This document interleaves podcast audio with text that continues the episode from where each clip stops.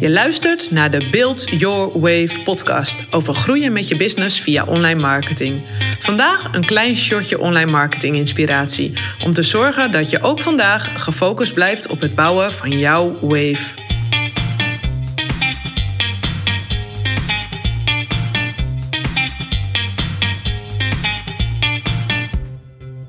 Hallo, leuk dat je weer luistert. Afgelopen week was ik op een event, een boekpresentatie.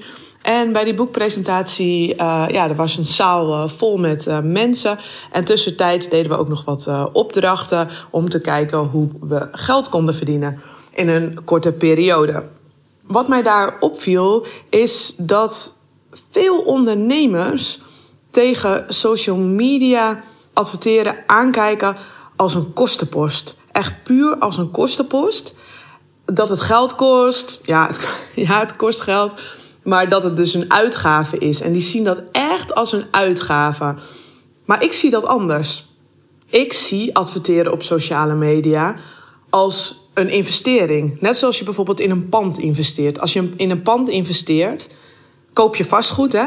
En dan investeer je eerst in dat pand of in een appartement en vervolgens ga je het verhuren en dan levert het je geld op. Nou, op die manier zie ik ook sociale media uh, advertising, dus social media advertising.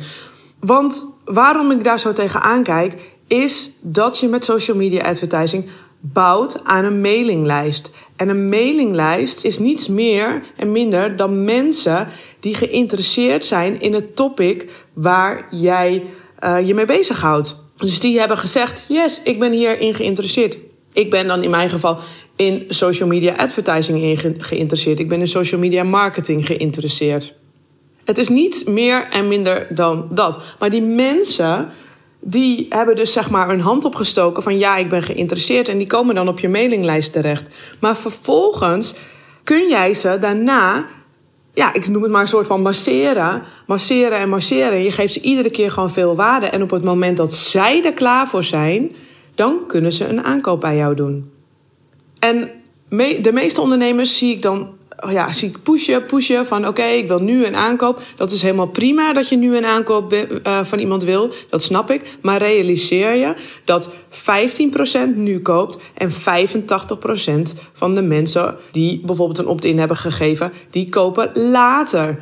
Dus zorg ervoor dat je ook jezelf bezighoudt met de fase daarna. Dat je dus je pand als het ware onderhoudt. Dat je zorgt dat je pand netjes blijft. Dat je investeert in je pand. In dit geval is je pand dus je mailinglijst. En dat betekent niet dat je dus meer focus op het een of het ander moet hebben.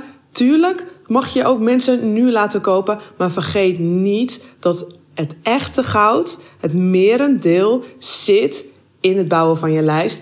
En in de mensen die niet direct kopen, die dus later kopen. Die later zeggen van yes, nu ben ik er klaar voor, nu wil ik kopen. En wat de meeste ondernemers doen, is het eigenlijk een beetje door de strot van mensen duwen. Van oké, koop mijn producten nu. Oh, ben je niet geïnteresseerd? Oh, dan ben ik ook niet meer in jou geïnteresseerd. Nou, op die manier werkt het natuurlijk niet.